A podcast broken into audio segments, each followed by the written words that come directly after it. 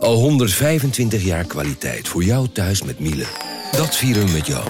Ontvang nu tijdelijk een cashback tot 125 euro op veel Miele-apparatuur. Geniet van de kwaliteit van Miele. Voor perfect verzorgd wasgoed en kleding die veel langer mooi blijft.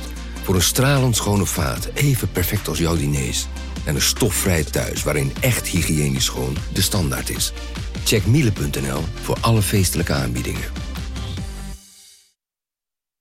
Ik ben al jaren ondernemer, maar waar moet ik eigenlijk allemaal aan denken nu ik voor het eerst personeel wil aannemen, voor het eerst ga importeren of voor het eerst een bedrijfslocatie zoek? Weet wat je wel of niet moet doen bij zaken die je voor het eerst oppakt. Check kvk.nl voor praktische stappenplannen. KVK, hou vast voor ondernemers.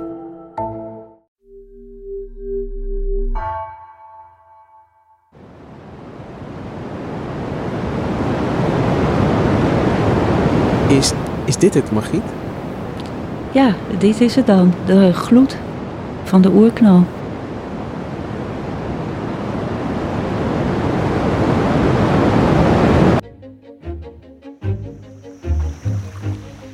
Welkom. Wij zijn Onbehaarde Apen. Dit is een zomerpodcast van NRC over het begin. In deze podcast zoeken we deze zomer naar alles wat begint. En deze week het begin van tijd. Over wat tijd eigenlijk is en hoe de tijd zelf ooit begon. Mijn naam is Lucas Brouwers en ik zit hier aan tafel met Margriet van der Heijden, journalist gespecialiseerd in natuurkunde. En met haar praat ik vandaag over het begin van de tijd. En Margriet, jij liet ons net een geluid horen, eh, de nagloed van de oerknal. Waar zou je dat kunnen horen, dat geluid? Uh, hier op aarde horen we het niet, hè? anders zouden we voortdurend een soort uh, tinnitus hebben, een soort piep in ons oor.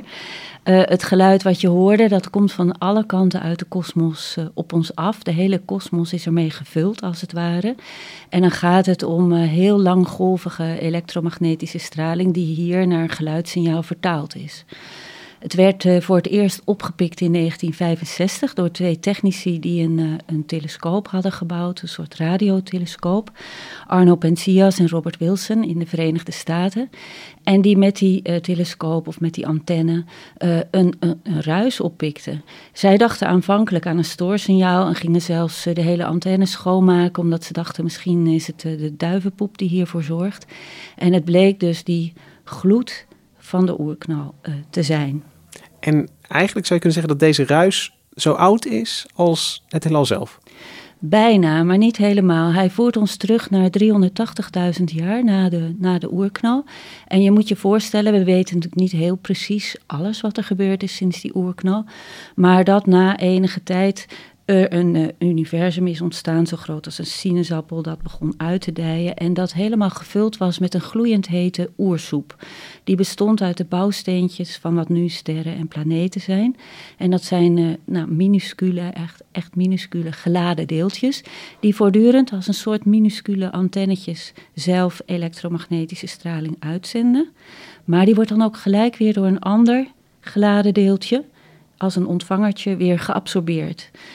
Dus die, die hele gloeiende soep is eigenlijk ondoorzichtig. Want elke straling, ook het zichtbaar licht, maar ook andere vormen van straling, wordt onmiddellijk weer na uitzenden geabsorbeerd. Omdat alles zo dicht op elkaar zit eigenlijk. Omdat het uh, dicht, alles zit dicht op elkaar. Het is compact en het is dus gloeiend heet ook. Alles krioelt met hoge snelheden door elkaar. Dus een gloeiend, gloeiend hete soep onder hoge druk. Een, plasma noem je dat in de fysica.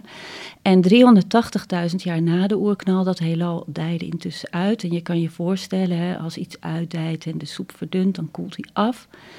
Uh, was het koud genoeg voor al die geladen deeltjes om aan elkaar te klonteren tot neutrale atomen, waaruit de aarde bestaat hè, en de sterren, die dus niet langer als ontvangertjes dat licht absorbeerden. Dus het licht ineens komt tjoep vrij uitreizen. En dat licht, dat stokoude licht van 380.000 jaar na de oerknal, die gloed als een soort babyfoto is wat je nu oppikt. En die golflengte zelf is enorm uitgerekt. Dus je hoort het helemaal niet. Het is hele langgolvige uh, straling. En je, je, je zei het al, dat het universum begint helemaal samengebald en dat dijt uit. Dus ik kan me dan al voorstellen, oké, de, de, de beschikbare ruimte neemt toe. Maar hoe zit het dan met de tijd zelf? Is die oorknal ook het begin van de tijd? Dat weten we niet. Eigenlijk kan je daarover geen uitspraken doen. Die hele oerknaltheorie hangt samen met een, een nieuw idee van ruimte en tijd, wat eigenlijk geïntroduceerd werd door Einstein met zijn uh, algemene relativiteitstheorie 100 jaar geleden. Dus het, ons intuïtieve beeld, hè, als je denkt aan de aarde, is vaak dat de ruimte een soort decor is. De tijd die wordt afge, tikt door een universele klok, hè, die tik-tak. Je zou denken voor het hele universum de tijd weergeeft. En Einstein liet zien dat tijd en ruimte met elkaar verweven zijn en dynamisch. Dus afhankelijk van waar je je bevindt, uh, uh, lijkt de tijd langzamer of sneller te uh, verstrijken. Dus dat ruimte-tijd-weefsel is rekbaar. En daarmee hangt samen uh, uh, uh, die hele oerknaltheorie. Want wat we zien als we naar sterrenstelsels kijken, is dat ze van ons vandaan lijken te bewegen. Dus de ruimte rekt op. Speel je die film achterstevoren af, dan kom je bij een punt waar de ruimte krimpt, krimpt, krimpt, krimpt. Tot je in een heel klein punt zit waar het oneindig dicht zit samengebald. En in feite over dat punt kunnen we geen uitspraken doen. We kunnen daar niet naar kijken, hè, want die oersoep is ondoorzichtig. Maar ook de theorie uh, geldt niet meer op de allerkleinste punten. Dus wat we kunnen zeggen is, wij zeggen dat daar de kosmos begon.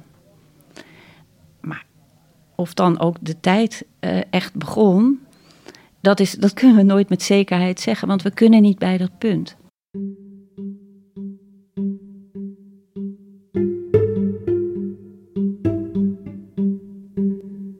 Maar is er dan iets voor fysici wat tijd dan, dan definieert? Is het wel iets, iets onafhankelijks om uh, wat, wat te meten valt? Als het, als het zo'n onderdeel is ook van die ruimtetijd, dat het zo door elkaar zit, zoals je beschrijft?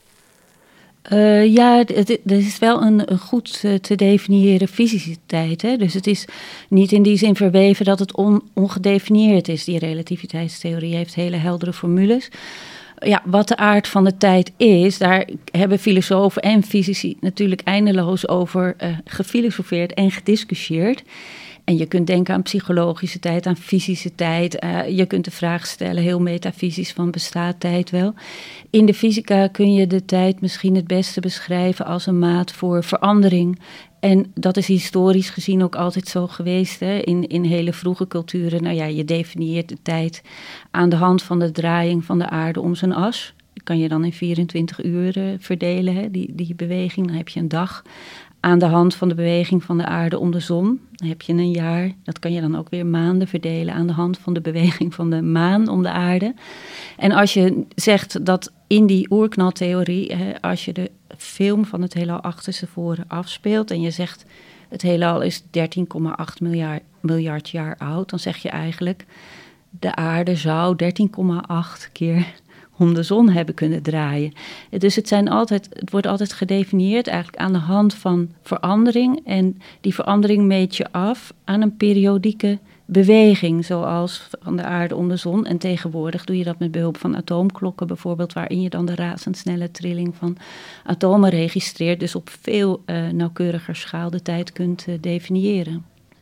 Kun je dan wel zeggen dat zodra er ruimte begint te zijn, dat er dan ook tijd is? Ja, dat, je zou kunnen zeggen dat in ons universum, als je denkt het begon met een klein punt, hè, en dan is het weer, als je even terugdenkt aan ons intuïtieve beeld hè, van ruimte als een decor en een universele klok, dan denk je heel snel bij een Big Bang aan een soort explosie, waarbij energie uh, vrijkwam, materie vrijkwam. En dat uh, tijdens die explosie die energie en die materie als het ware de ruimte ingeslingerd werd. Hè? Dat denk je. Of je ziet het heelal als een soort ballon die opblaast, maar in een ruimte. Wij kunnen ons niet voorstellen dat daar buiten ja, geen, geen ruimte, ruimte zou zijn.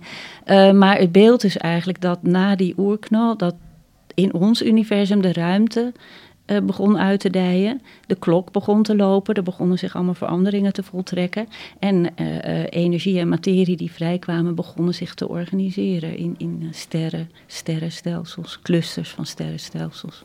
Maar dan blijf ik toch met een probleem zitten, want je, je, je geeft al aan die explosie, dat is, dat is altijd iets wat je, als ik een explosie voor me zie, die, die begint ergens mee er is een oorzaak waarom er een, een explosie is. En, en dan, dan ontvouwt die in alle hevigheid. Maar als je ja, nog niet echt van, van tijd kan spreken. Of dat is allemaal nog, zit allemaal nog samen. Hoe kan iets dan beginnen? Hoe kan er dan een oerknal zijn als er als tijd er, zoals we die gangbaar onder, onder tijd verstaan, als die er nog niet is?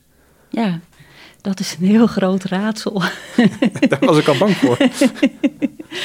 En ehm, nou, even terug naar die babyfoto van het heelal, hè, waarmee we de uitzending begonnen, die kosmische achtergrondstraling. Dat is 380.000 jaar na de oerknal. Op CERN in deeltjesbotsingen, hè, dus het CERN bij Genève, het grote instituut waar je deeltjes met hoge snelheden op elkaar laat klappen, kun je temperaturen realiseren die zich voordeden op een tien miljoenste van een miljoenste seconde na de oerknal. Dus dan kan je nog in gedachten een beetje nog voorbij die horizon kijken. Verder terug kan je niet kijken, dus dan moet je het hebben van de theorie. En dan begint het speculeren eigenlijk, omdat in dat punt de theorieën die we hebben, hè, de relativiteitstheorie, de kwantummechanica, niet langer geldig zijn. Dus ja, dan kom je eigenlijk in een vrij speculatief domein. En één, uh, één idee is dat dat ene punt, hè, waaruit onze kosmos, zoals wij die kunnen waarnemen, en er zitten beperkingen aan onze uh, waarnemingen, dat dat onderdeel is misschien van een uitgestrektere ruimte met punten. er is ook een theorie dat heelallen zich afsplitsen van ouderlijke heelallen. Een beetje zoals in een lavalamp bijvoorbeeld, hè, dat er zo'n bel afsplitst. Dat wij een afgesplitste bel zijn van een ouder uh, universum. Dat er een soort zeepsop is waarin kosmossen opkomen en weer vergaan.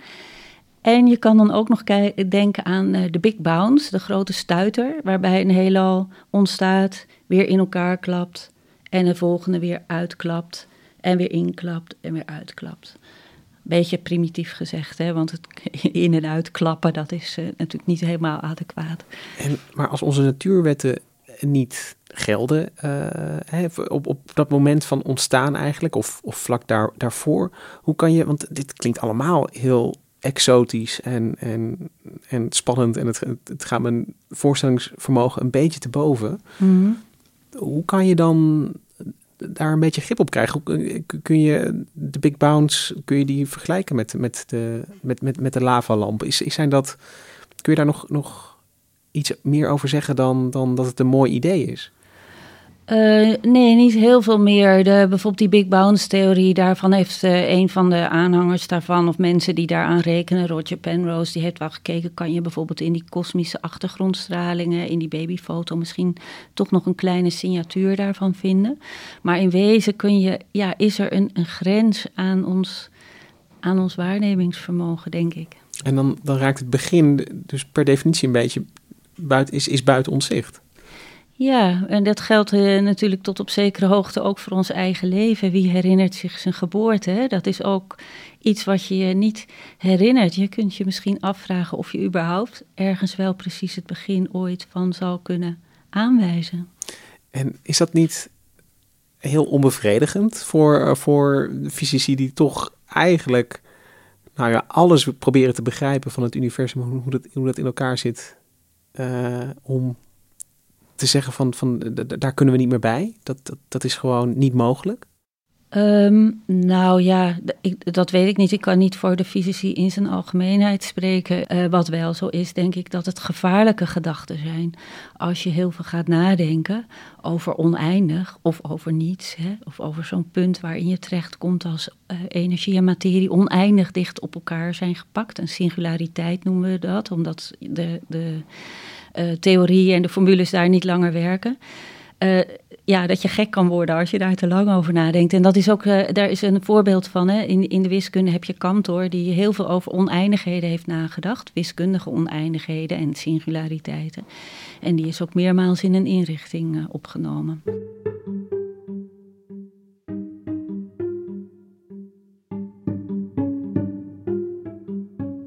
Ja, ik, nu wil ik niet zo, ver gaan, maar ik, ik herken het gevoel van een beetje duizelig worden. Of het, het, is, het is misschien een soort, ja, raar soort uh, hoogtevrees bijna of zo. Van, van als je te veel nadenkt over dat, ja, iets, iets dat, de, de tijd die begint of, of een, een, wat was er dan voor het begin, dat je gewoon, je raakt een beetje los of zo in het, in het je krijgt er geen, geen grip op. Je krijgt een heel nietig eh, gevoel, bedoel je? Of, ja, dat eh, een beetje. Van, van het is een, een, een onvoorstelbaarheid. En, en eh, in, in die zin snap ik wel een beetje als je, wat je zegt met een, een gevaarlijk idee of een, een, gevaarlijk gedachte-experiment. Want het is. ehm, ja, het, je hebt zo weinig houvast eh, eh, als je over deze, deze hele grote vraag nadenkt. Ja, ja.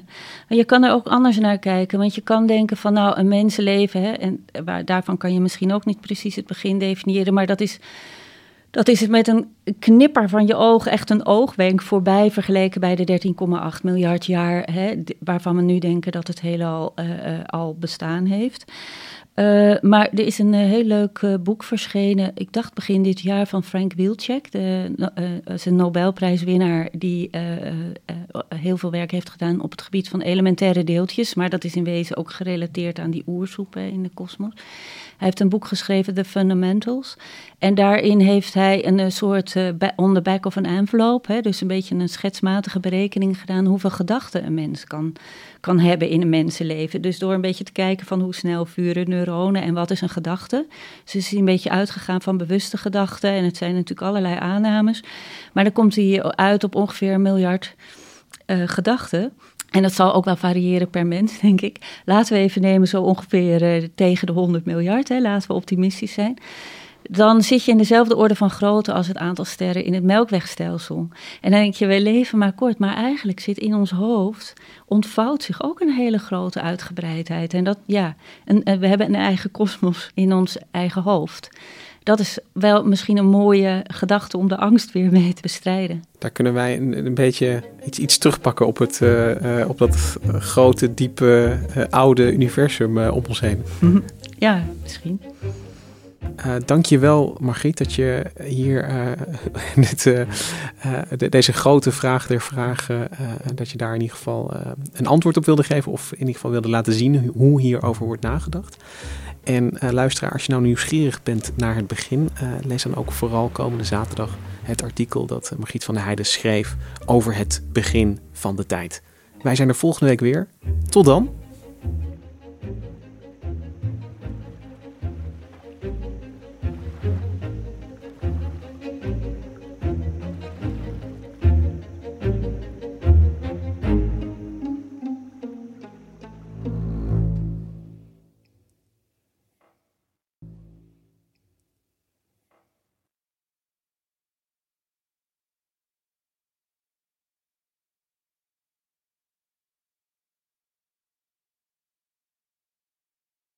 Technologie lijkt tegenwoordig het antwoord op iedere uitdaging.